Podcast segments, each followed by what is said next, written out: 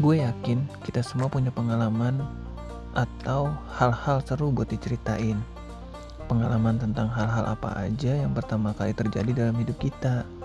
Nah, di tempat sampah, gue bakal ceritain pengalaman-pengalaman pertama dalam hidup gue. Misalnya pertama kali gue menyatakan cinta, pertama kali pacaran, pertama kali diputusin, pertama kali belajar motor, pertama kali kerja, dan banyak lagi. Selain itu, mungkin dalam beberapa kesempatan gue juga akan berbagi cerita seru lainnya dalam hidup gue. Cerita bareng temen gue, atau bahkan cerita bersama kalian yang pasti semua hal itu akan sangat seru buat gue ceritain. Tapi gue gak jamin akan seru untuk kalian dengerin. Tapi apa gue peduli? Sedikit pun gue gak akan peduli kalian suka atau enggak.